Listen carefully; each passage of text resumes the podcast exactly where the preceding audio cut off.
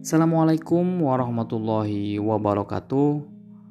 Buat sahabat sekalian yang suka ngopi, ngobrol penuh inspirasi dan motivasi, jangan lupa mampir di podcast Ngopi Dulu Yuk.